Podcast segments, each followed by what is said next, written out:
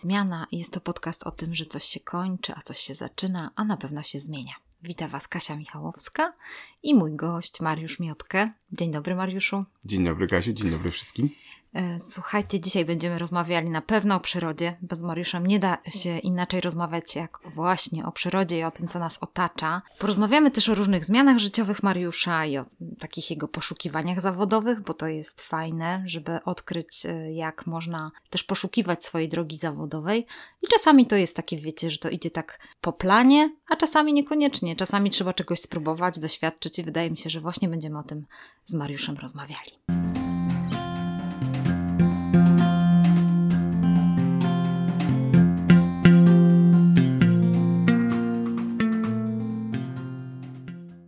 Bardzo się cieszę, że mogę gościć Mariusza na stacji Zmiana. Nie było łatwo go zaprosić, to powiem szczerze. Ja też się cieszę, że dotarłem. Cieszę się, że dotarłeś. Jedną z rzeczy, którą przychodzi mi do głowy, jeżeli chodzi o Mariusza, to na pewno to, że jest kaszubem. Mówi o tym jego nazwisko, Miotkę. To jest takie typowo kaszubskie nazwisko. Jest również zapalonym leśnikiem, przyrodnikiem. Tak, ja mówię, że ja jestem przyrodnikiem z wykształcenia leśnikiem. O, tak, tak bardziej tak, to tak. tak. Studia leśne w Poznaniu, które tak. skończyłeś, to są naprawdę y, takie studia, bym powiedziała, szczególne. Ja znam tylko kilka osób, które właśnie skończyły te studia i naprawdę są super wykształconymi ludźmi, którzy naprawdę wiedzą dużo o lesie.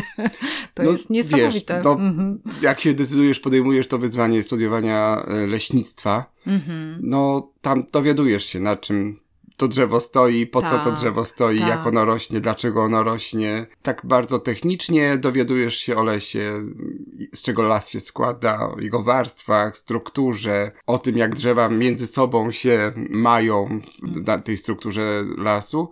No ale musisz się też dowiedzieć o wszystkim, co to oprócz tych drzew w tym lesie jest, czyli dowiadujesz się o tych wszystkich innych roślinkach, które zamieszkują las, dno lasu, wszystkie jego piętra, o wszystkich zwierzętach, o tych zależnościach, czyli powoli, tak naprawdę sukcesywnie poznajesz cały ten ekosystem, jak on działa, tylko patrzysz na to tak z trochę gospodarczego, technicznego punktu widzenia, w zależności od tego, jak to ma podejście do tego tematu, bo wcześniej zacząłem uczyć się leśnictwa, bo już od szkoły średniej. Mhm. Zawsze interesowała mnie przyroda i to, co tam w tej przyrodzie się dzieje, jak to działa i zdecydowałem się na technikum leśne. I to było dla mnie wtedy mhm. było, myślę, że świetnym rozwiązaniem to, to, ta szkoła. W wieku 14 lat wyjechałem z domu A do internatu. Gdzie, gdzie wyjechałeś wtedy? Do Tucholi. Do, do Tucholi. Mhm. Północna część Kujawsko-Pomorskiego. Mhm. Moja takie pierwsze alma mater leśne. Pięcioletnie technikum wtedy. W takim wieku, jak wiesz, no człowiek mhm. dojrzewa, dopiero zaczyna sam siebie poznawać. Tak. Świetne rozwiązanie, bo tam każdy etap naszego życia był pod, jakby troszeczkę pod kontrolą, bo i w internacie byliśmy pod kontrolą, i w szkole byliśmy pod kontrolą i uczyliśmy się tego zawodu tak faktycznie praktycznie, bo od drugiej klasy przynajmniej jeden dzień spędzaliśmy w lesie pod okiem jakiegoś leśniczego, który się nami zajmował, mówił nam, tłumaczył nam jakieś działania mm, leśnika, które my potem musieliśmy sami wypróbować w terenie. Wchodząc już na studia leśne, to już miałem taki fajny pakiet przygotowany po technikum. Osoby, które skończyły liceum i przyszły tak. na studia leśne, to, prawda. to one były na tym etapie, jak ja szedłem do technikum, więc tak. dla nich to było wszystko takie odkrywcze. Dokładnie. E, więc to leśnictwo, studia dla mnie były dużo łatwiejsze, mm -hmm. nie musiałem się aż tak angażować, jak musieli to robić właśnie ludzie po liceum. Mm -hmm. Łatwiej mi było tą całą materię przerabiać. Przy czym no, te studia właśnie bardziej traktowały tego to leśnictwo tak od strony technicznej, czyli mm -hmm. ten mhm. surowiec drzewny, po co, dlaczego, ekonomika leśnictwa, czyli znowu jakaś tam przepływy pieniężne, po co, jak to działa. Jednak dosyć szybko zdecydowałeś się na takie ukierunkowanie zawodowe. To mnie ciekawi, czy ty byłeś po prostu jakimś, nie wiem, fanatykiem jako dziecko, jeżeli chodzi o las, czy, czy miałeś blisko siebie las? Powiedziałeś, mamo, no się pakuje i wyjeżdżam w las, nie? Do Tucholi, gdzie, no oczywiście Tuchola, przepiękne miejsce, w ogóle nie ma o czym mówić. Wracamy tam co jakiś czas. No właśnie. Sentymentalnie. Tak, a mało ludzi w ogóle tam, nie? Zwiedza, to jest naprawdę... A to jest też miasto z historią. Tak. A czemu tak wyszło? Mhm. Ja nie wiem. Ja się mhm. chyba z tym urodziłem, przyznam szczerze. Moja mama mówi, że to u mnie było widać od maleńkiego, że ja to tam ciągle roślinki, zwierzątka. Mama często przy jakiejś sytuacji przytacza taką historię, że kupiła mi taką Biblię dla dzieci. Mhm. Jak byłem tam, nie wiem, trzylatkiem, czterolatkiem. Ja sobie ją tam przeglądałem, no i ona ją tam po jakimś czasie gdzieś znowu dorwała i okazało się, że ja w tej Biblii dla dzieci wszystkie zwierzątka wziąłem kredką w taką ramkę, otoczkę i tak dalej. Wszystkie zwierzątka w całej tej broskowej Biblii. Cała inna treść dla mnie chyba nie liczyła, tylko te zwierzątka wybierałem wszędzie. Czyli to stworzenie Aha. świata, potem te osiołki gdzieś tam w tej historiach od maleńkości. I ja chyba też miałem bardzo dużo szczęścia jako taki rozwijający się człowiek na, do dobrych ludzi. Mhm. Którzy mi po, trochę pokazywali tą ścieżkę, którą albo nie wiem, rozpoznawali moje kompetencje, do, do czego mm -hmm. ja się mhm. nadam w przyszłości. Mm -hmm. Bo to już w szkole podstawowej się zaczęło od mojej nauczycielki od biologii. Mm -hmm. Tak klasycznie wręcz, podręcznikowo. To ona zaczęła jakoś tak sugerować mi, żebym się tutaj w tym temacie rozwijał. Gdzieś tam zabierała mnie na jakieś konkursy wiedzy szkolnej, jak to kiedyś tak było, tak bardzo dużo takich rzeczy, mm wiedzy jakiejś ekologicznej, tu w ogóle ogólnobiologicznej, mm chemicznej. Mhm ja tak, wiesz, z konkursu na konkurs i tak to się, wiesz, ta wiedza się zbierała, zbierała i tak pamiętam, że w siódmej klasie się zdarzyła taka nam rozmowa zupełnie spontanicznie z tą nauczycielką, że no ale co ty, Mariusz, chcesz robić? No nie, jak ty mhm. skończysz tą szkołę podstawową? Wiesz, dzieciok ze wsi w ogóle. Pewnie pójdę do najbliższego miasta, gdzie jest liceum. Tak. I ona mi odkryła w ogóle, pokazała tą możliwość. A może byś poszedł do takiej szkoły leśnej? Mhm. No a co to za szkoła? Gdzie to aha, za szkoła? Może w Tucholi. I okazało się, że jej mąż, jako młody chłopak, tam miał pójść, ale jego rodzice się na to nie zgodzili. I mhm. w nim siedziała taka niespełnienie w tym zakresie. I ona pomyślała sobie, że a może ten mhm. gówniarz tutaj, może tego byśmy wtedy dali. No i ja po tej rozmowie wróciłem do domu tak. i oświadczam mamie, że ja, mamo, idę do technikum leśnego w Tucholi. Ja I będę mieszkać w internacie. Aha. Na co moja mama mówi, po moim trupie. nie ma mowy. Ja się wtedy naprawdę trochę przejąłem. No jak? Ja to już sobie wszystko wymyśliłem, a mama mówi nie? No, no, no. Mama mówi, no jak ty sobie to wyobrażasz? No co ty, -hmm. gdzie tam -hmm. będziesz jechał? Miała bardzo dużo tak, takich matkowych argumentów. Mm -hmm. Gdzie tam sam? Nikogo nie znasz. Potem z tą nauczycielką rozmawiałem, no że fajnie, fajnie, fajnie, ale no mama się nie zgodziła niestety. Mhm. No i moja nauczycielka biologii stwierdziła, że ona się tym tematem zajmie. Mhm. Poprosiła moją mamę o spotkanie. O proszę. Więc się spotkały i nie na tym spotkaniu nie było i też dopiero po latach dowiedziałem się, co one tam między sobą ustaliły. Mhm. Moja pani od biologii wzięła na siebie całą odpowiedzialność za to. Powiedziała, że jeśli on tam nie podoła, mhm. to ona bierze za to odpowiedzialność. Wszystko, co on tam nawywija, ona bierze za to odpowiedzialność. Ona uważa, że ja sobie dam radę i w ogóle nie ma co tutaj mnie wstrzymywać. Jeśli ja mam chęci, to zróbmy to. No mhm. i moja mama pod wpływem tej rozmowy ostatecznie się zgodziła. Potem były egzaminy, wtedy jeszcze były egzaminy wstępne. Tak. Y, moja mama pojechała ze mną na te egzaminy do Tucholi. Mieszkaliśmy już wtedy w internacie. Egzaminy były trzydniowe. Wiesz, emocje tak naprawdę. A z, z czego były wtedy egzaminy? Z pewnie biologia, e, tak? Prawie to była jak druga matu taka matura, matura. prawie, że. Czyli mm -hmm. jakieś Chemia? z biologii była jakaś tak. rozmowa, jakieś zadanie z matematyki tak, było. Poważna sprawa. Mm -hmm. No i ostatniego dnia tych egzaminów przyjechała tam moja nauczycielka z biologii z mężem, przyjechała też do Tucholi, mhm. żeby nas odebrać, bo jakby licząc, że no chłopak się dostał, jest to świętować. Mhm. Jak wywiesili listę przyjętych, to na liście był jeden miotkę, ale Dariusz.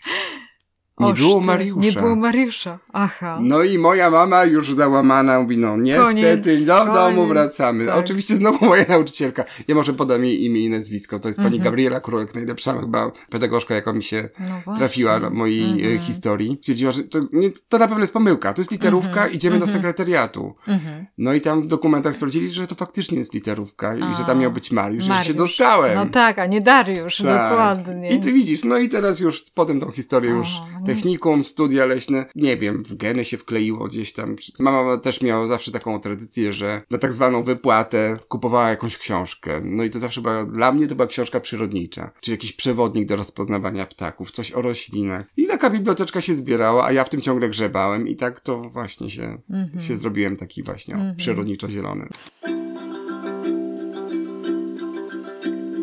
We are closing the space between us.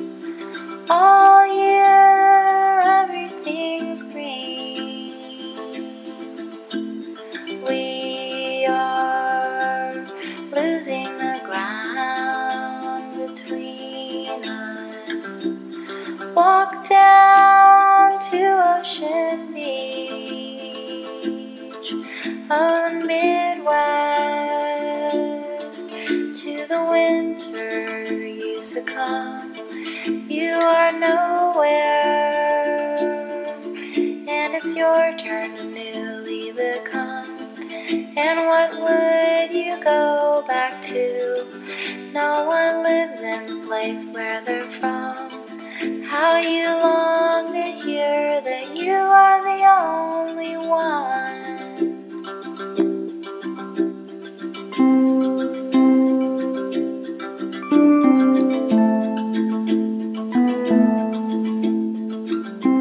pedagog dobry to jest skarb. Też mi się wydaje, że to jest taka chyba sugestia do rodziców, którzy nas słuchają, żeby słuchać nauczycieli, że oni jednak widzą w tych dzieciakach naszych potencjał, potencjał patrzeć no na to, jakie dziecko tak, jest. musiałbym zostać no. mechanikiem tak, albo elektrykiem, tak, tak jak tak. moi rodzice. A oni, dobra, niech będzie. Mama też poczuła chyba wsparcie mm -hmm. takie psychiczne ze strony tej nauczycielki, dlatego to tak jakoś... Mm. I skończyłem to technikum. Zapewne chcieli cię do roboty. Nie, właśnie nie. po technikum mm -hmm. nie było jakiegoś dużego mm -hmm. ciśnienia, żeby od razu iść do mhm. pracy. Wtedy już było dobrze pójść na studia mm -hmm, w tamtych mm -hmm. czasach. Na przykład ludzie z mojej klasy, część poszła już wtedy do pracy a część stwierdziła, że idzie na studia. I to znowu taki dualizm jest w tej, tej sytuacji, bo ci, co poszli do pracy, najpierw musieli odbyć staż roczny i potem gdzieś tam jakąś, albo się udało dostać tą posadę, gdzieś tam mm -hmm. w mhm. strukturach lasów państwowych, no albo nie. Mm -hmm. I też taki odsiew był dosyć mocny. Ten, kto się dostał, to już miał, że tak powiem, zapewnioną przyszłość, no tak. bo to jest taka firma, gdzie zawsze się znajdzie tak. już potem I miejsce już pracujesz dla ciebie. do tak, emerytury. Tak, możesz mm -hmm. już tam mhm. zostać do emerytury. Mhm. Te osoby, które się tam dostały na te stanowiska, no już zbierały na swoje doświadczenie, a my poszliśmy na studia. Byłem w tej grupie, która poszła na studia i dalej byliśmy tymi dzieciokami, no nie? Teraz pojechaliśmy do Poznania zwiedzać świat. Aha. I jak się stykaliśmy znowu, to już znowu byliśmy z innych światów, bo my jeszcze byliśmy studentami, którzy gdzieś tam, wiesz, dorabiają na kasie w marketach, żeby tak. przeżyć, a oni już pracują, Oj, tak. mają doświadczenie, zdobywają. Oni byli troszeczkę potem uprzywilejowani. Jak my kończyliśmy studia, ja zacząłem szukać pracy pod koniec studiów, rozglądać się za miejscem, gdzie mógłbym zacząć pracę zawodową, to tak wyszło mi, że ja bym znowu musiał się gdzieś przeprowadzać, mm -hmm. bo tam, mhm. gdzie mnie chcieli, to tak mm -hmm. znowu gdzieś jakoś przeprowadzka. Jakoś nie czułem się wtedy na, na siłach, żeby to zrobić. Nie mm -hmm. wiem, nie chciałem. Mhm. Uważałem, że Poznań już jest moim miastem, gdzie ja spędzę resztę życia. Skoro nie, nie mogłem uzyskać tego, co chciałem, no to dobra, to niech będzie ten doktorat. I tak wyszło z tym doktoratem. No, Zostanę jeszcze troszkę. Studentem jeszcze trochę będę, tak. studiów doktoranckich jeszcze tak. przez jakiś czas, bo nie chciałem zmieniać miejsca zamieszkania, bo Poznań takie fajne, duże miasto, tyle się tu dzieje mhm. i przyjaciele, otoczenie już działa. I... No i zostałem na tym doktoracie. I ten doktorat też tak wyszedł mi jakoś. Skończyłem go, obroniłem. Brawo, Tytuł dostałem. Doktorze. Dziękuję bardzo.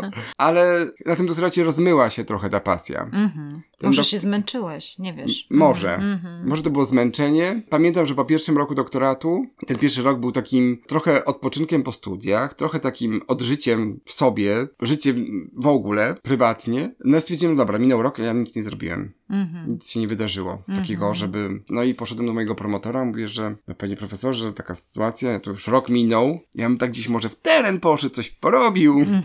Dziedzina, z którą e, sobie wybrałem jako droga doktoratowa, to się nazywa urządzanie lasu. To jest taka e, dziedzina leśnictwa zajmująca się planowaniem w lesie, w gospodarce leśnej, planowaniem na, mniej więcej na 10 lat do przodu, na podstawie danych zebranych, wiesz, z lasu w mhm. międzyczasie. I mi się to bardzo podobało i tak, wiesz, tam jakieś cyferki, trochę tam zielonego, to takie fajne, syn synergiczne działanie. No i szef stwierdził, no dobra, no to w takim razie, jak pan chce iść w teren, no to wyślemy pana do firmy, która jakby pracuje dla lasów państwowych, to się nazywa Biuro Urządzania Lasu. Wszystkich zawsze bawi to urządzanie. No właśnie. Wprowadza się porządek w lesie i, jak, i te drogi się planuje i co, gdzie, kiedy ma być wycięte, co, gdzie, kiedy ma być yy, sadzone. Tym się zajmuje mniej więcej urządzanie. I to też jest taka część leśnictwa, która właśnie czerpie z wszystkich innych gałęzi leśnictwa i łączy to wszystko w taki jeden wielki plan. No i udałem się na taki staż do Biura Urządzania Lasu i tak mnie wciągnął ten staż, że ja tam zostałem na trzy lata. Oż ty. tak. Mhm. I funkcjonowałem wtedy dwa tygodnie w Poznaniu, a dwa tygodnie w brzegu koło Wrocławia. Mhm. I tak się bujałem między tymi między dwoma, tak, tak, Tam żyłem trochę i tak, tak żyłem trochę. Tak. I tak to trwało trzy lata. Mhm. I pewnie by trwało dłużej, gdyby mój promotor nagle nie zapytał, no dobrze, dobrze, wszystko fajnie, a co z moim doktoratem od pana? Mhm. No i w pewnym momencie trzeba było postawić grubą kreskę i skupić się tylko na tej pracy naukowej. Ale praca naukowa urodziła się w sumie w tym stażu, podczas tego stażu. Tak. Poznając tą branżę, dziedzinę, to całą praktykę, zrodził się temat na doktorat, który został potem już dociągnięty do końca i rozliczony, ale w ten sposób no, musiałem zrezygnować z tej pracy w Biurze Urządzenia Lasu. Wydoktorowałem się i zostałem bez etatu jakiegokolwiek. No właśnie, tak. tak, tak, to się skończyło, no że tak. doktoraty doktoratami, no a właśnie. tam musiałem zrezygnować, nie było potem już dla mnie miejsca, no i było takie zawieszenie. Mhm. Thank you.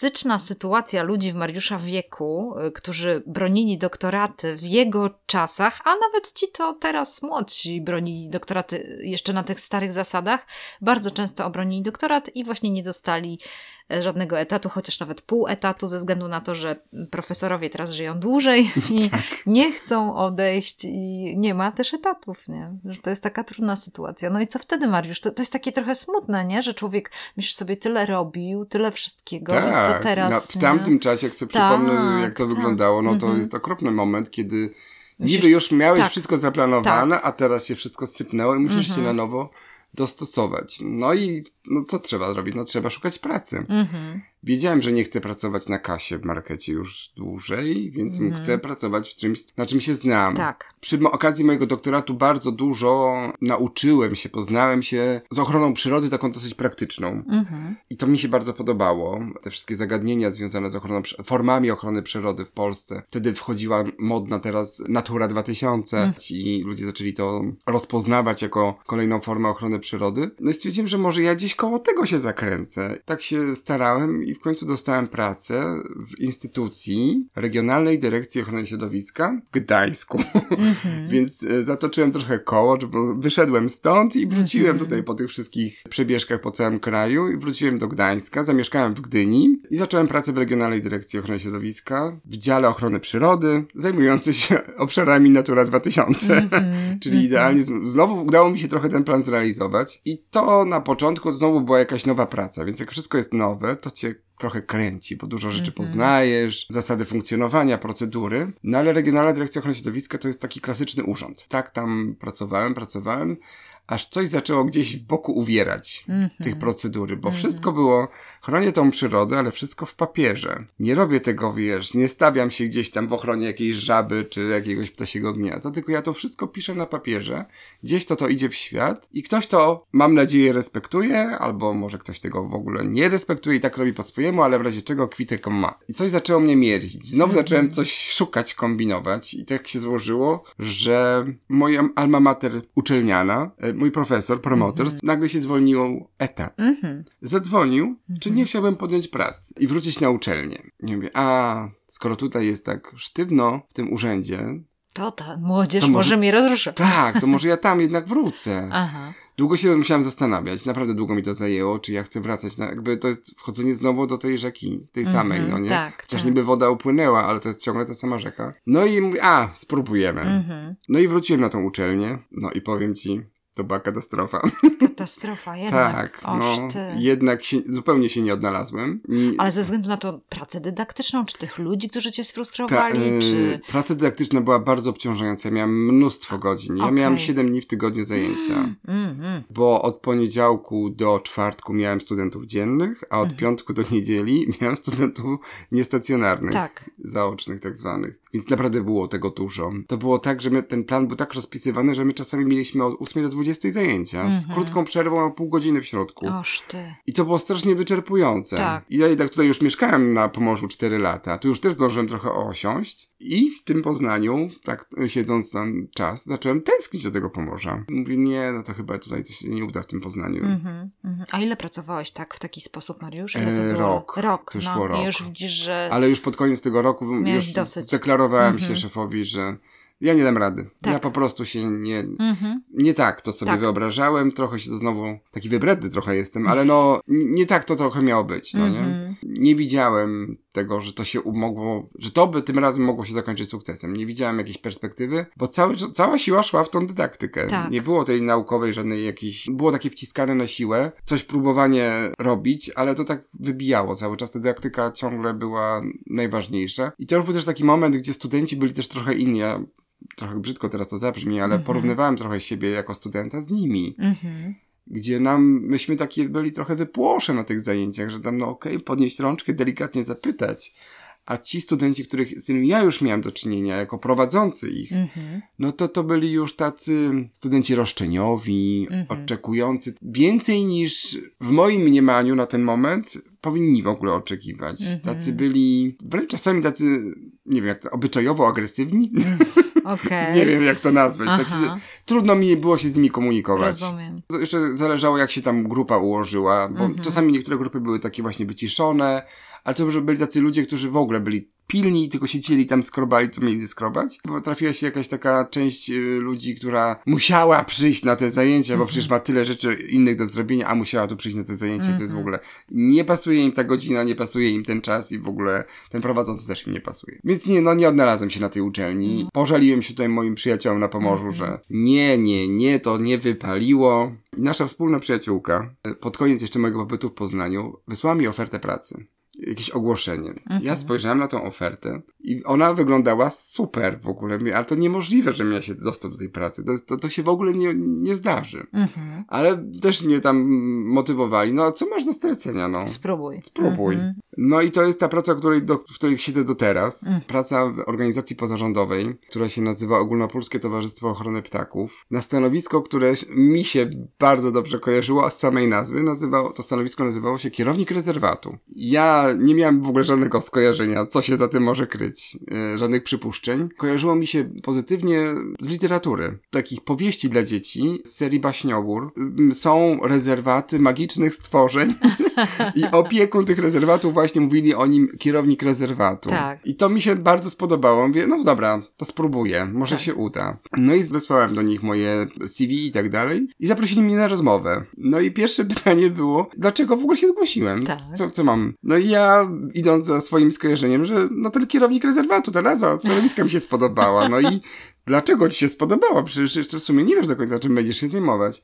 No i mówię, że to właśnie z tej bajki, powieści o baśnioboru i tak dalej. I podobno to ich urzekło, bo potem już tylko sobie tam jeszcze coś pogadaliśmy i dostałem tą pracę. O, proszę. I od tamtego czasu mam właśnie ten niezwykły tak naprawdę zaszczyt pracować na stanowisku kierownika rezerwatu mm. w Ogólnopolskim Towarzystwie Ochrony Ptaków, a jestem kierownikiem rezerwatu Beka tutaj mm -hmm. na Pomorzu. Rezerwat Beka, przepiękny rezerwat. Miałam okazję kiedyś e, z Mariuszem spacerować po tym rezerwacie. No widać, że jesteś zajawiony tą niezwykłą przyrodą. Tam jest też tak niestandardowo, no bo to nie jest rezerwat taki jak inne rezerwaty. Zresztą tak jak każdy rezerwat. No jedyny w swoim rodzaju, przepiękny. Jeżeli ktokolwiek nas słucha i lubi przyrodę, to chyba zachęcamy do tego, żeby tam się przejść, chociaż właśnie fajnie było, żeby tam było mało ludzi.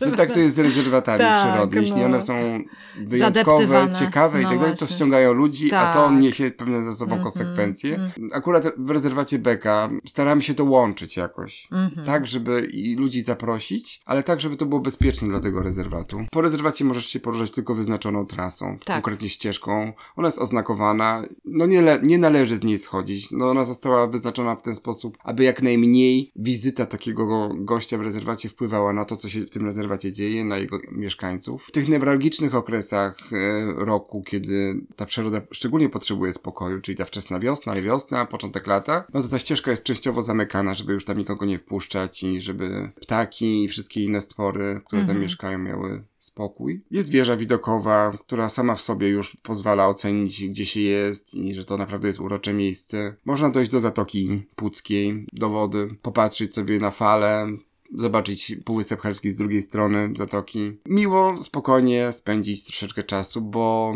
tam jest dość cicho. Nie jest cicho zupełnie, jest dość cicho jak na Mhm. przestrzeń, bo jednak już pojawia się jakaś taka zabudowa w okolicy, słychać trochę ruch samochodów, bo droga wojewódzka przebiega niedaleko, więc nie jest idealnie, to nie jest takie super ekstra sanktuarium, ale jest tam na tyle cicho, że można naprawdę dobrze spędzić czas, wyciszyć sobie głowę, jest przestrzeń taka, że możesz się rozejrzeć dookoła i nic ci nie będzie drażniło Mhm. tego oka i Mhm. zmysłów w ogóle. Więc tak, lubię spędzać tam czas, Mhm. dużo czasu. No właśnie.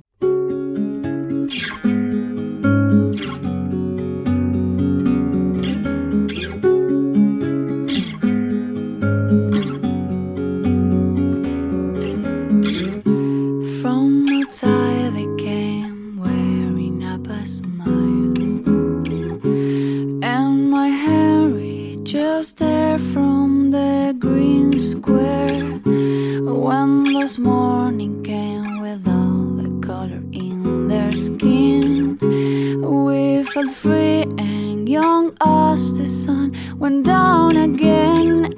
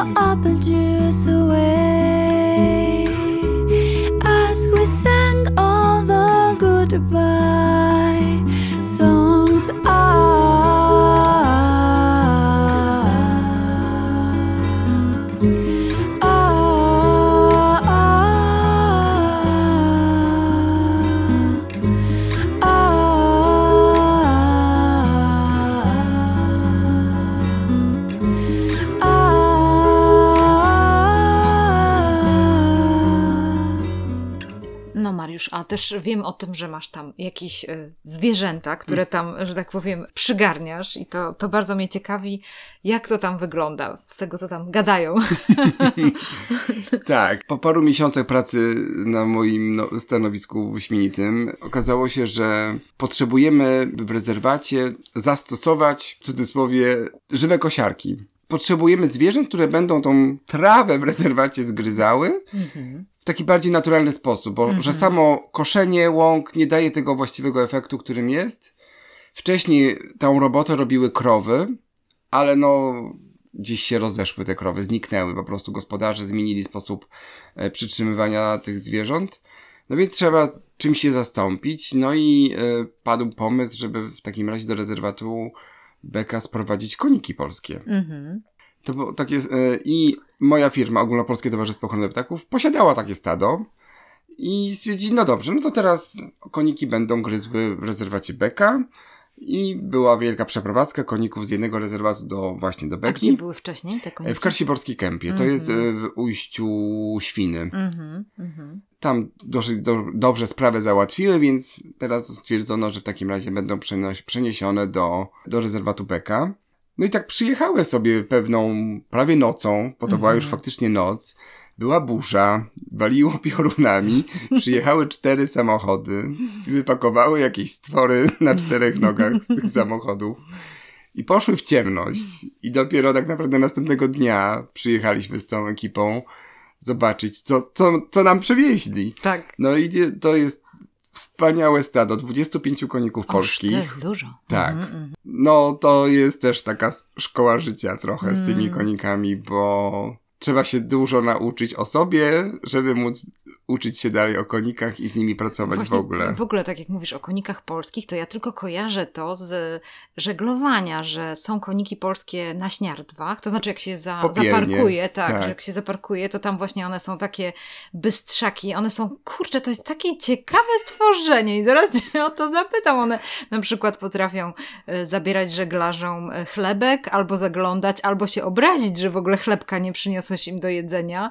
Więc naprawdę takie, no, no ja jestem ciekawa, mm, co ty myślisz, czy on jest jakiś naprawdę bardzo inteligentnym zwierzakiem, czy kapryśnym, czy smutaśnym, czy wesołym? Jak to wygląda? Wiesz co, to jest taka ciekawa rasa. Powstała jakby rasa z prób odtworzenia tarpana. Mhm. A tarpan to taki, wiesz, dziki koń, który jakiś, wiesz, zamieszkiwał Europę. Niestety wystrzelali go i wyłapali, krew się pomieszała z innymi końmi. W pewnym momencie postanowiono odtworzyć tego tarpana. No nie, nie udało się uzyskać tarpana. Wyszło coś takiego, co się teraz nazywa konikiem polskim. Mhm. I to są koniki, które się charakteryzują dużą taką wytrzymałością, Mhm. ogromną siłą w sumie, jak na takie Mhm. małe konie, bo to są niskie konie. Ale właśnie przez to, że mają dużo takiej pierwotnej krwi, to świetnie rozpoznają się w środowisku, a przez to są po prostu inteligentne. One muszą być inteligentne, żeby przetrwać, bo Mhm. one nie żyją w stajence, gdzie przyniosą sianko, marchewkę, założą derkę, pojadą, wrócą i one wracają do boksu. Nie, te koniki są, w genach mają zapisane, trzeba przetrwać. Ich organizm też to mówi i jest tak skonstruowany, że nieważne jak, jak, jak źle będzie, my przetrwamy. Mhm. Bo one nie potrzebują jakiejś super paszy. Nie, nie trzeba ich karmić jabłkami, marchwią. Dla nich jabłko, marchwia jest jakbyśmy jedli, nie wiem, ciastka z bitą śmietaną. Mhm. To jest takie kaloryczne, że im to cz- z czasem po prostu przestaje służyć. No, bystrzaki niesamowite, inteligentne, bardzo takie w kontaktach z ludźmi, otwarte, ciekawskie, ale z dystansem, też takie pamiętliwe. To tak z mojego doświadczenia, że jak popełnisz błąd, to bardzo dużo czasu będziesz potrzebować, żeby ten błąd odkręcić, żeby ten koń, z którym popełniłeś ten błąd, ci to zapomniał, bo bardzo długo pamiętają jakieś takie Niesamowite. E, I to właśnie, te popełniane błędy, o których mówię, nauczyły mnie tego, że nie mogę do nich pójść zdenerwowany. Ja nie mogę mieć kłębu myśli w głowie, jak Mhm. idę do koni. Jak pogadasz z koniarzami, to mówią, że konie czują energię, tą, z którą do nich idziesz. Mhm.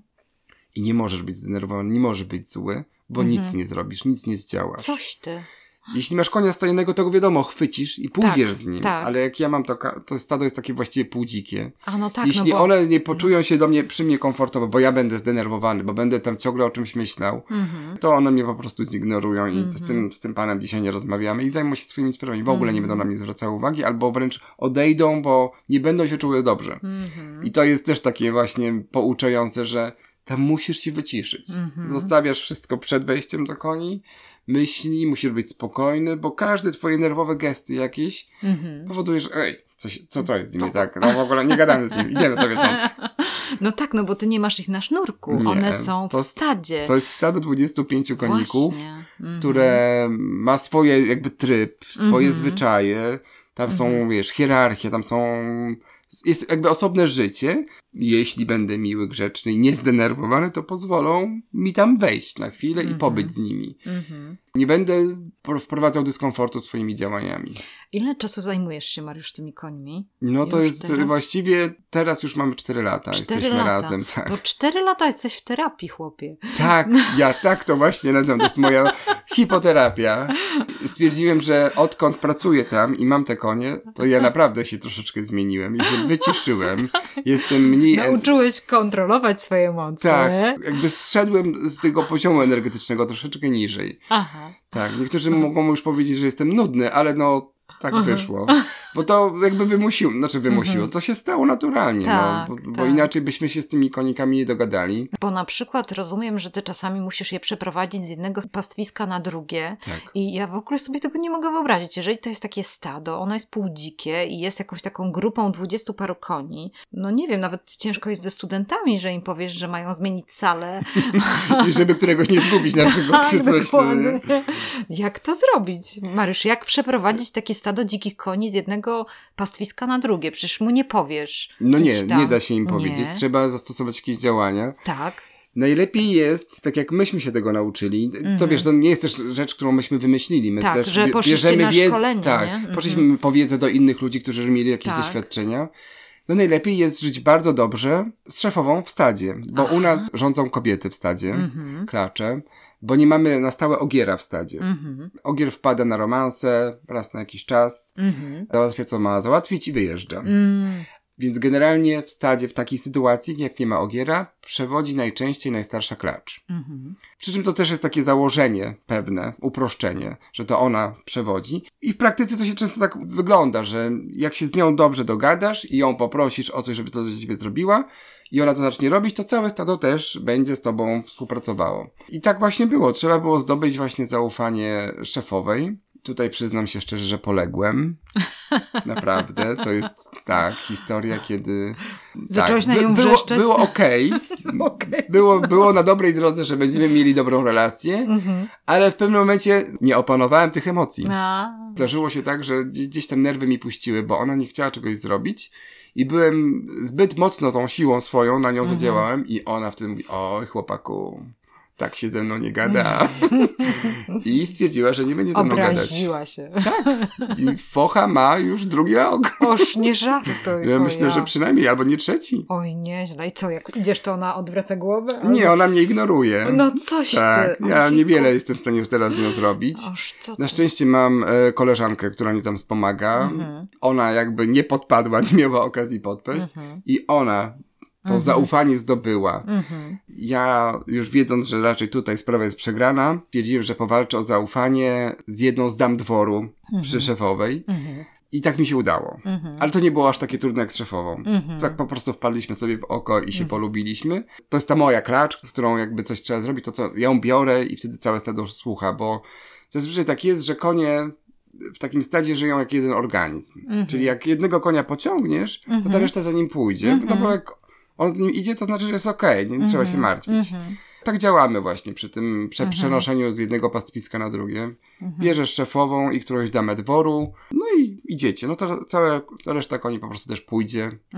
No i tak, tak, tak to sobie zorganizowaliśmy. Najciekawsze jest przeprowadzanie koni między rezerwatem, a taką ich kwaterą zimową, bo one nie są przez cały rok w rezerwacie, one późną jesienią opuszczają rezerwat, idą na swoje takie właśnie kwaterę zimową, miejsce, gdzie jest bardziej sucho, mniej wieje, cicho, takie wiesz, wakacje sobie robią. Mhm. I, no i to przechodzimy z nimi normalnie, nie przewozimy ich, tylko przeprowadzamy je. To jest około tam 2,5 kilometra. Idziemy sobie normalnie drogą wiejską. I wtedy to całe stado trzeba przeprowadzić. Mhm. Zawsze jest przy tym dużo zamieszania i to jest tutaj łatwiej o to, że te konie robią coś nieprzewidzianego, dziwnego. no dziwnego. Zdarzyło się nam raz, że coś je tak zaniepokoiło, że po prostu nam uciekły i mhm. biegły po prostu w nieskończoność. Nam tylko w garści zostały trzy konie, które mm -hmm. udało się zatrzymać, a reszta stada po prostu pobiegła. Czegoś się przestraszyła, tak. musiała, bo ten, to był taki bieg, wiesz, pęd przed siebie. Mm -hmm. Jak się zatrzymamy tam za kiedyś, to się zastanowimy, czemu biegniemy. Mm -hmm ale tak po prostu biegły, więc dzięki takiemu instynktowi i sprytowi jednego z naszych tam pomocników, który stwierdził, że w takim razie on leci pościg za nimi. Tak. Złapał jakiś samochód po drodze, leciał, dogonił te konie, mhm. wyskoczył z tego samochodu i je zatrzymał. Było, zastanówcie się. Tak, Halo. Dokąd wy biegniecie? Tak, Dokąd to? Tak, tak. I udało się te konie zatrzymać, a konie, które zostały z nami, zaczęły wołać. Aha. Rżeć, typu, tak, chodźcie, chodźcie, z powrotem. Chodźcie. I stado wróciło oczywiście. No, mhm. Ale to za każdym razem jakaś Oj, przygoda. Gdzieś konie stresowo. gdzieś nagle stwierdzają, że nie pójdą tak, jak my sobie życzymy mm. i posz- idą sobie gdzieś. Mm. I... No to też mówiłeś, że one są dosyć e, takie mocne i e, też mają dosyć gruby brzuszek, czyli w sensie, że są takie dosyć niskopodłogowe, bo to I tak jak z tego, co silne. pamiętam, no właśnie i... są silne i też taki koń może ugrzęznąć przecież, prawda? Że one też trochę grzęzną te konie w, tej bece, Dają nie? radę. Mhm. Dają radę. Mhm. One też znają to swoje środowisko, mhm. w którym one zostały tak. posadzone jakby troszeczkę, więc one wiedzą, że tam trzeba się przypilnować, tam mhm. nie wchodzimy, tam można wpaść, tak. tutaj jest za mhm. głęboko.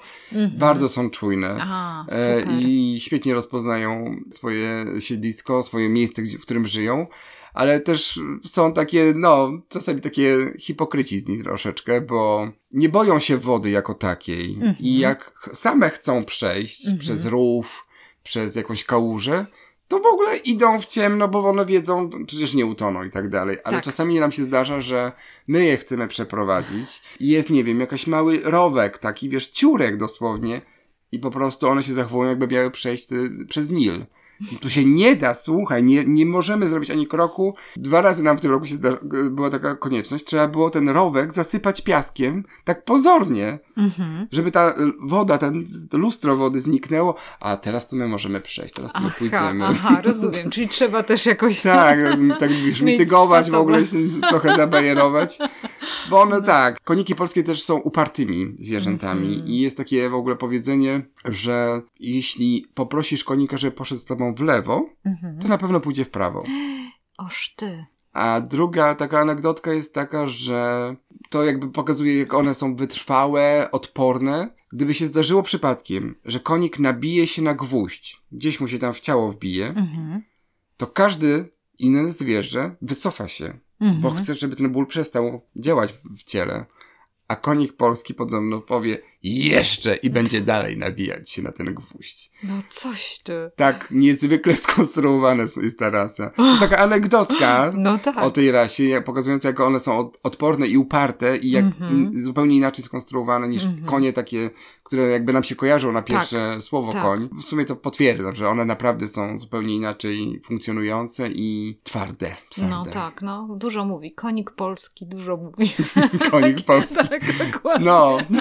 Ja nie dam rady, no proszę. Nie. Ja nie dam rady właśnie. Ja tak. przecież zawsze daję radę. Zawsze ale jak, radę. jak ja chcę, bo jak ktoś chce, to ja niekoniecznie To ja nie chcę. chcę. To mm. właśnie, to jest fajne. To jest takie klasyczne. Jest no i co Mariusz, one się sprawdzają jako te kosiarki? Czy to są jest świetne coś... w swojej tak? robocie. Czyli po prostu to rozumiem, że w tym ekosystemie te konie, które sprowadziliście, one tą sprawę załatwiają. Jak to mówią, jest... robią robotę. Robią robotę, tak. tak. Nasz, w rezerwacie problem jest to, że on zarasta. Mm -hmm. Zarasta trzciną. Mm -hmm. Trudno się pozbyć trzciny z łąk, takich nadmorskich łąk jak nasze. To ona ma kłącza, jest wytrzymała, nieważne, susza, zalew mm wodą, ona wszystko przytrzyma i w mhm. końcu i tak gdzieś wyrośnie. Metody stosowane wcześniej, czyli takie koszenie jednorazowe, nie pomagało w żaden sposób i nie mhm. pomaga do tej pory, bo ścinasz raz, a ona już za chwilę odbija i, -hmm, a koniki działają tak, że o, coś tu odbiło, haps, coś tu znowu odbiło, haps, Wiem. cały czas permanentnie mm -hmm. to skracają tą trzcinę, ona słabnie, mm -hmm. a to mhm. też jest ważne, żeby utrzymać to, co my tam chcemy chronić, no, bo mhm. to siedliska dla ptaków, cenne zbiorowiska roślinne, e, takie związane z zalewaniem wodą z zatoki te, tego terenu corocznie, mm -hmm. a nie chcemy tam trzcinowiska. Koniki, czasami jakieś tam koszenie, które wspomaga ten efekt, Mhm. I, I to daje, robi robotę. Mój przyjaciel, który właśnie jest po tych samych studiach co ty, jest również zapalonym przyrodnikiem i robi e, takie spływy ojca z synem e, mhm. i, i, też robi takie, takie wypady facetów pod tytułem Dzikie Białko. I z tego co pamiętam, to właśnie używał trzciny do jedzenia, dlatego że trzcina zawiera dużo węglowodanów. I można wtedy te węglowodany zjeść, jeżeli nie ma co jeść. I w czasie biedy nie było trzciny ze względu na to, że ludzie, którzy nie mieli co jeść, często zjadali trzcinę. Bo te bo, kłącza, tak, tak kłącza można wręcz, zjeść. Tak. No właśnie. I, no ale co z tymi konikami? Czy one nie są za grube z tego powodu? No bo jeżeli one się tego... Tak, bo no, one się, na, no mhm. tak jakbyśmy jedli coś na zasadzie Cukru. właśnie biszkoptów ciągle, mm -hmm, no nie? To tak mm -hmm, trochę jest. Mm -hmm. Dlatego no też jednocześnie trzeba dbać o to, żeby ta dieta była bardziej zbilansowana, zrównoważona i jeśli nawet uda im się przez ten sezon wypasowy w rezerwacie nabyć troszeczkę tego ciałka, mhm. no to zima jest po to, żeby trochę tego Odchudzić się. troszeczkę, A, tak. no proszę. Czyli jest mhm. tylko sianko, nie ma żadnych dodatków, suche sianko popite wodą i na tym trzeba wytrzymać. No ale to koniki polskie, no jak już też mówiłem, one naprawdę świetnie się dostosowały do trudnych warunków, więc nawet na tym sianku potrafią uzbierać, zbudować masę, mm -hmm. tak. Mhm. A chciałam cię zapytać jeszcze o tego ogiera, bo jeżeli mm -hmm. był ogier, to rozumiem, że będą źrebaki, tak? Tak. No i jak to w ogóle, jak to jest? Jak to jest, jak przychodzi taki ogier, to co on wtedy jest szefuncio, czy... Y, jest całe przekazanie władzy. Aha, czy ja, tak... ja myślałem, że to jest takie, no przychodzi, wiadomo, że on tu będzie rządził. No właśnie. Nie, właśnie mm -hmm. miałem okazję obserwować, że to tak nie wygląda zupełnie. Mm -hmm. No on się pojawił. Mm -hmm. Wszystkie konie z naszego stada stwierdziły, że Jezus Maria, co to w ogóle, kto to jest? Kto go tu mhm. wpuścił? Proszę go zabrać. I przez pierwsze trzy dni było taki ostra bitwa, gdzie on mhm. zaznaczał, że teraz on on tu będzie rządzić i proszę ten fakt zaakceptować. Jak mm -hmm. to nie mhm. akceptuje, dostanie Bęcki. Oż coś ty. I tak było. I tak mhm. Bęcki tam były słychać naprawdę prawie no, z kilkuset metrów. Jak Ale tam... to co, walił wtedy kopytami? Czy tak, co? biły się po A, prostu. Konie się, się ze sobą biły. Mhm. No i w końcu jak wyszło na to, że on raczej nie zniknie, to właśnie szefowa stada podeszła do niego i mówi, widzę, że sprawa jest nie do rozwiązania, ty tu chcesz zostać, albo musisz zostać, ja ci przekazuję władzę. Mhm. I to był faktycznie taki prawie akt. Mhm. Ona, stado stało, ona wyszła ze stada, podeszła do niego, tam się okręcili wokół osi ze dwa, trzy razy, spojrzeli na siebie, jakieś takie końska rozmowa. Mhm. Nagle zapanował spokój. Już mhm. nie było walki. To był ten moment, kiedy ona mówi, dobra, no słuchajcie, nie damy rady, musimy sobie jakoś z nim poradzić. No i on potem jakby przyjmuje to przywództwo i jest w tym stadzie. Doprowadzi swoje rządy. Pod rządami Ogiera jest bardzo dynamicznie w stadzie. On cały czas, która tutaj pani byłaby ewentualnie do romansu. Mhm. W naszym stadzie są jeszcze Wałachy, czyli Ogiery wykastrowane. Mhm. To są synowie naszych klaczy, które, którzy zostali w stadzie. To ci też byli ciągle musztrowani, mhm. pilnowani. Tam cały czas taka dynamika, ciągle się coś działo. On co chwilę przypominał, halo, ja tu jestem, ja tu mhm. rządzę. Mhm. Idziemy tu, idziemy tu, tak? tak, on zarządzał. Jemy, Aha, śpimy. Naprawdę? Tak, jak w wojsku. Ojej. E, także to bardzo, ale bardzo tak, jak na Ogiera był jeszcze taki dosyć łagodny. Po, mm -hmm. Potrafią być Ogiery, które są troszeczkę nawet bardziej brutalne. Mm -hmm. On był takim dobrym przywódcą, dobrym liderem. Mm -hmm jak wyjeżdżał, to te wszystkie nasze klaczki, to myślałem, że zaczną brać chusteczki, będą płakać, takie no, były. Coś to. Przyjęły fakt, że on zostaje, że mm -hmm, będzie, a ja go tu mhm. znowu nagle zabieram. Ojejka. Więc się znowu system wysypał, ale takie miałem wrażenie, że jak on już wyjechał, to one się dopiero porządnie wyspały. Bo za jego rządów to ciągła mała musztra, wieczny stres, to one chyba przez dwa dni to tak ciągle tylko drzemali. Drzemali, drzemali, żeby się zregenerować. Wyspać, no właśnie. No i co? I jak teraz będzie? Będzie, Mariusz? Teraz będą źrebaczki? Jak to będzie? Właśnie wczoraj urodził nam się pierwszy. O, żartujesz. No, niesamowite ty. to było. Aha. Siłami natury, nie tak. bez naszego udziału, po tak. prostu przychodzimy rano, a tam jakieś coś małe się pęta pod nogami jednej z klaczy. O, coś ty. Tak, mm -hmm. słodziak mm -hmm. taki. Mm -hmm. I, no, źrebaki, tak jak na, w bajkach chyba i wszędzie pokazane, źrebaki tam nie leżą gdzieś, nie czekają na nie, tylko one szybko wstają, brykają, ćwiczą mhm. nogi, do cycka. Brykam, mhm. brykam, do cycka spać. I tak, tak mhm. wygląda na razie jego życie. Wielkie poruszenie w stadzie. No dawno nie było żadnego źrebaczka w stadzie. Mm. Wszystkie klacze jakieś zrobiły się takimi ciotkami. Mm-hmm. Przy tej klaczy, która urodziła, dyżurują, wspierają ją i tak dalej. Nie pozwalają o jakimś postronnym podchodzić. Że proszę się trzymać na dystans. Tutaj, tutaj jest dziecko w środku. Aha, aha. I co, nadaliście na imu imię? Czy... Jeszcze nie. Jeszcze nie. Na razie nie. Aha. Przypuszczamy, że to, bo musimy najpierw ustalić płeć. Tak. Mhm. To jeszcze u takiego małego też nie do końca jest pewne. Mhm. A nie chcemy go tam łapać i wiesz, zaglądać mu pod ogon, bo nie chcemy denerwować mamy, więc mhm. jeszcze parę dni. Mhm. Prawdopodobnie to klaczka mała. Mhm dziewczynka, więc no, będziemy wybierać jakieś sympatyczne mhm. imię. Co ciekawe, imię musi być zgodne z pierwszą literą imienia matki. Mhm. Pierwsze litery muszą być zgodne, mhm. bo tak jest jakby w zasadach nadawania imion. I wtedy macie kartotekę, tak? Dla tak, tak. Dos- źrebak dostanie tam... paszport, bo tak- paszport, tak, tak się nazywa ten dokument. Aha z swoją datą urodzenia, z takim mm -hmm. opisem, co on za jeden, po jakich rodzicach i po jakich dziadkach mm -hmm. i co on sobą reprezentuje, że jest konikiem polskim mm -hmm. i tak mhm. dalej. Ile będziecie mieli takich źrebaczków, jak myślisz? Jeszcze 13. Jeszcze 13, tak. tak. Czyli... Ten sezon będzie bardzo obfity no właśnie, dziecioki. Właśnie, czyli będziesz miał dużo pracy, tak rozumiem. Mhm. Tak, no do, do, tak, to będzie nasz do, do, nowe wyzwanie dla nas wszystkich, mhm. bo no, do tej pory nie urodził nam się w stadzie, odkąd one są u nas tutaj, nie urodziły nam się źrebaki, no to jest nasze nasze pierwsze podejście do tego tematu, więc zobaczymy, jak to będzie. Mhm. A czy coś już mówili Wam na szkoleniu, jak to wygląda, jak to przebiega, takie źrebakowanie? Czy to jest trudne, czy to jest To jest trudne. trudne. To jest trudne. Mm -hmm. To tak trochę, wiem, że to może trochę na, mm -hmm. na, naciągam, ale trochę jak z dziećmi. Mm -hmm. No bo źrebaki też są głupkowate, niedoświadczone i mhm. robią różne głupie rzeczy, narażając swoje zdrowie i życie na, mhm. na, na, na szwank. Więc tego tak jakby musimy wybiegać w przyszłość i wszystkie te rzeczy, no tak jak wiesz, no, mm -hmm. jak mama musi wszystkie rogi pozaklejać mm -hmm. w domu, żeby dzieciak sobie nie rozbił głowy, to my musimy też te wszystkie takie możliwe, jakieś pułapki na źrebaki y, przewidzieć wcześniej i zabezpieczyć, mm -hmm. no, żeby się tak nie stało. Mhm. Czyli osoby, które będą niedługo odwiedzać y, rezerwat Beka, będą musiały to też wziąć pod uwagę, nie? że jeżeli taka sytuacja będzie, że gdzieś tam jakiś rybaczek wejdzie w szkodę czy coś, no to będzie trzeba zawiadomić odpowiednie organy, tak, służby tak. ratownicze. Albo nas po prostu tak, gdzieś tam tak. z tablicy ściągnąć numer telefonu mm -hmm. i dać mhm. nam znać, że... Ale tak mm -hmm. właściwie cały czas mamy też świetną grupę wolontariuszy, która, mm -hmm. którzy nam pomagają w rezerwacie i też grupa, którą rekrutowaliśmy sobie z różnych dziwnych Proszę. miejsc mhm. ogłosiliśmy się, że szukamy i, i, mhm. pojawiali się coraz to ciekawsze osoby niesamowite, bardzo zaangażowane, też nie, to takie niezwykłe jest, wiesz, tak mm -hmm. naprawdę, że no ja, ja to robię, bo to jest moja praca i jednocześnie moja pasja. Mm -hmm. No i rekrutujemy ludzi, że chcemy, żeby nam pomogli nie, w pilnowaniu rezerwatu, gdzieś tam przy jakichś małych, drobnych robotach, mm -hmm. przy koniach. Tak. No i zjawia się jakieś towarzystwo, no i tak się zastanawiasz, po co oni przyszli, nie? Dlaczego oni tu przyszli? Tak. Co ich tam kręci? Tak. No i każdy ma też swoją historię tak naprawdę, dlaczego a bo ja kiedyś słyszałem, a ja tu kiedyś byłem, pamiętam, tata mnie tutaj zabierał. Mhm. Mam też taką świetną grupę wolontariuszy, fo fotografów przyrody. Takich poznałem w ogóle, bo oni przyszli robić zdjęcia do rezerwatu. Stwierdzili, że jak oni tutaj są, to oni mogą trochę coś pomóc, no nie? Mm -hmm, Także no, pełen przekrój w ogóle.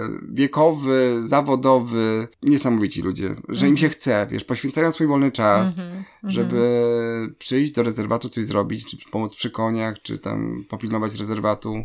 Niezwykłe. Dziękujemy im wszystkim, jeżeli nas słuchają tutaj, tych Mariusza opowieści. Naprawdę to jest ważne i, i fajne, bo człowiek no nie ogarnie, nie ogarnie nawet tego, nie wiedzą, jak dużo jak nam, jak bardzo tak, nam pomagają, tak, jak duży jest ich tak, wkład w to tak, wszystko. Dokładnie. Że rezerwat jest taki mhm. zaopiekowany, bo mhm. nas jest zaledwie pięcioro mhm. i każdy ma jakąś tam swoją działkę do zrobienia. Tak. Nie zawsze możesz być wszędzie tam, gdzie się coś dzieje. A oni właściwie wtedy zawsze gdzieś są. Oni czasami, ja mam wrażenie, że oni tam śpią po cichu i nie chcą nam powiedzieć, że tak robią. Bo jak jest faktycznie jakaś sytuacja, coś się dzieje w rezerwacie, to nie wiem, czy jakaś tam, nie wiem, foka się pojawiła. No jest jakaś sytuacja, którą trzeba mhm. w jakiś sposób rozwiązać, to oni już to wiedzą i oni już dają mhm. informacje. Słuchajcie, jest ta sytuacja. Tak wygląda to, to, to, my możemy pomóc tak i tak. Mhm. Co robimy? Także no, niesamowicie są sprawni, świetnie się też komunikują, jak już się poznali, Mhm. W swoim towarzystwie też się ze sobą świetnie komunikują, mhm. wymieniają, uczą się też nawzajem, bo tam są mhm. i, i, są tacy, którzy są ptasiarzami, którzy się znają na tych ptakach, ale są ludzie, którzy po prostu lubią być w zielonym i mhm. tak spędzać czas, no to uczą się nawzajem od siebie i to jest też mhm. niezwykłe. Mariusz, y, no ja mam nadzieję cały czas, jak opowiadasz o tych różnych historiach, że kiedyś zbierzesz się i zaczniesz nagrywać podcast. To jest jedna z rzeczy, która jest takie moje życzenie. A z drugiej strony tak patrzę na, na to twoje życie i to jest takie cudne, że znalazłeś w końcu to, co cię kręci, to, co ci daje radość i to, co ci daje, no taką energię życiową. Tak. Wiadomo, że to nie jest łatwe, bo też teraz mówisz, że no będzie takie wyzwanie w tym roku zaopiekować się tymi źrebaczkami. Pewnie będziesz bardziej zmęczony fizycznie, ale może mimo wszystko nie będziesz taki wypalony, nie? Jak może z pracy ze studentami. Na przykład, tak, no. ja, bo tutaj każdy dzień jest zupełnie inny i mm -hmm. ja już przestałem planować swoją pracę. Ja przychodzę mm -hmm. rano mm -hmm. i zobaczymy, co się wydarzy, bo tak. nie przewidzisz pewnych tak. rzeczy i możesz tak. sobie zaplanować, że będziesz robić to i to, a tam nagle, nie wiem, koń okulał. I już jest wszystko nieważne, bo teraz trzeba zadbać o to, żeby koń przestał kuleć. Bardzo ładująca jest ta praca, tak jak właśnie powiedziałaś o tej energii, to tak. Tutaj jest cały czas można czerpać z niej energię, a jak chcesz naprawdę odpocząć mhm. i wyłączyć na chwilę te swoje wszystkie obwody, to wystarczy pójść do stada koni, się tam nim, schować między nimi. One mhm. czasami pozwalają na to, mhm. że możesz tam zniknąć między nimi, usiąść, czy nawet się oprzeć do takiego konia i po prostu spokój. Nic mm -hmm. więcej nie trzeba ty, mm -hmm. w tym mhm. momencie do życia. No nie? Jedną z rzeczy taką, y, taka przyszła mi myśl, nie wiem czy to jest dobry pomysł, ale pomyślałam sobie, że jest w tobie jakaś taka mądrość życiowa, że umiesz słuchać ludzi. Nie zawsze człowiek posłucha dobrej rady. A ten, który słucha dobrej rady, może naprawdę z tego bardzo wiele wziąć. I właśnie tak było w Twoim wypadku. Tak jak ta pani od biologii, która ci, od przyrody, która ci zasugerowała te technikum, tak samo przyjaciółka, która powiedziała: O, Mariusz, może to będzie praca dla ciebie. Ty mówisz: Nie, w życiu nie przyjmą mnie, ale jednak spróbowałeś ze względu na to, że ktoś wierzył w ciebie, no nie wiem, mówi, no spróbuj po prostu i to jest też jakaś mądrość. I jak widać, ona zaprocentowała. No? Ja tak, cieszę mm -hmm. się, że te, te osoby gdzieś tam stanęły na mm -hmm. mojej drodze w pewnym momencie i mm -hmm. że mhm. faktycznie na tyle mnie nakierowały, że zrobiłem tak, jak one proponowały, a efekt jest taki właśnie. No właśnie, ale to nie, nie zawsze człowiek jest otwarty na rady innych ludzi. Zawsze wiemy lepiej, zawsze lepiej siebie znamy, zawsze wiemy sami na co nas stać, a niekoniecznie, może ktoś inny wie, na co nas stać, nie? Może ktoś inny może dostrzec jakiś potencjał, którego my nie widzimy, nie? I, i tak wy, wyciągnąć jest, go na wierzch. Z boku mm -hmm. wyglądamy troszeczkę inaczej chyba niż nam no się właśnie. wydaje na co dzień. Tak. jeżeli ktoś ma na tyle dużo czasu, żeby nas poznać i nas mm -hmm. zobaczyć, mm -hmm. tak dosłownie i w przenośni, mhm. y, no to czasami wie trochę in, inaczej nas widzi. No, to jest taka lekcja. Nie zawsze ludzie, znaczy tak, długo ludzie dowiadują się na ten temat, że tak jest. Nie? Że są przekonani, że doskonale siebie znają i że, że nie ma takich sfer, o których oni nie wiedzą, a inni to wiedzą. Ale tak jest, że po prostu są pewne sfery, których my nie znamy, a inni to wiedzą. Albo ich nie zauważamy na, na co dzień. No tak, nie? albo ich sami nie zauważamy. No. Ktoś to widzi, mm -hmm. w jaki mm -hmm. sposób może to z nas wydobyć, podkreślić mm -hmm. nam to, że spójrz na tą część siebie. No, masz rację. Mhm. Mariusz, bardzo Ci dziękuję za Twoją historię, za rozmowę i za, tą, ja za te dziękuję. opowieści i naprawdę trzymam kciuki za Twój podcast. Bardzo bym chciała, żebyś opowiadał o przyrodzie, a jeżeli nie będziesz opowiadał, to ja Cię jeszcze raz tutaj zaproszę i będziesz opowiadał, bo o przyrodzie fajnie słuchać. Dziękuję Ci bardzo. Dziękuję bardzo.